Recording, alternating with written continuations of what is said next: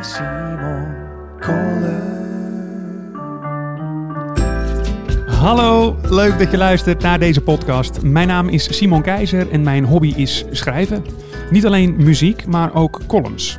Ehm, ik heb door de jaren heen behoorlijk wat columns de plank opgeschreven en daarom ben ik deze podcast gestart om ze weer van die plank af te halen. Ik ga dieper op de onderwerpen in binnen mijn videopodcast die wekelijks op het Ik en Simon YouTube kanaal verschijnt. Misschien leuk om daar ook eens een kijkje te nemen. Maar goed, tijd voor de column. Humor. Al tien jaar draait Nick en Simon lekker mee in de Nederlandse muziekindustrie. Al tien jaar spelen we uitverkochte shows. Al tien jaar zitten we in een trein die niet lijkt te stoppen. En het ziet er ook niet naar uit dat dat binnen afzienbare tijd een keer gaat gebeuren. Eigenlijk kijken we nooit terug. We nemen nooit een moment voor onszelf om onze zegeningen te tellen en de successen te vieren. We gaan altijd maar door. Een paar maanden geleden hebben we besloten onszelf eens wel dat moment te gunnen in de vorm van een weekendje Londen. En nu is het zover. We zijn met een klein team van zes man onderweg naar Londen. De purser van het vliegtuig spreekt ons toe. Het zijn, voor mensen die vaker vliegen, zulke overbekende woorden dat er over het algemeen niet naar wordt geluisterd. Toch is dat nu anders. Deze purser maakt er een show van. In het Engels heet hij zijn publiek hartelijk welkom. Hij vertelt op een aanstekelijke manier hoe, in geval van nood, moet worden gehandeld. Iedereen luistert met een glimlach. Als door verandering van druk de zuurstof wegvalt, vallen er zuurstofmaskers naar beneden. Mocht u met kinderen reizen, denk dan eerst aan uzelf voordat u uw kinderen helpt. Reist u met twee of meer kinderen, bedenk dan alvast welk kind uw favoriet is. Gelach alom. Helemaal mijn humor.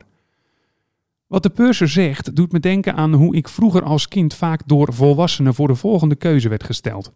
Wie vind je liever? Je vader of je moeder? Hoe jong ik ook was, ik wist dat allebei even lief het juiste antwoord was. Dat ik niet eerlijk moest antwoorden door te zeggen dat ik mijn moeder liever vond. Ik kende mijn vader nou eenmaal niet zo goed. Hij was altijd werken, moeder was altijd thuis. Wat me vooral helder voor de geest staat, is het plezier dat die volwassenen dan hadden. Terwijl ik een ongemakkelijk antwoord eruit wist te brabbelen, stonden zij te lachen. Ik snapte de humor niet. We stijgen op. De afgelopen jaren heb ik mezelf er af en toe op betrapt dezelfde vraag te stellen aan kinderen. Het kind zien worstelen met het antwoord blijkt best grappig.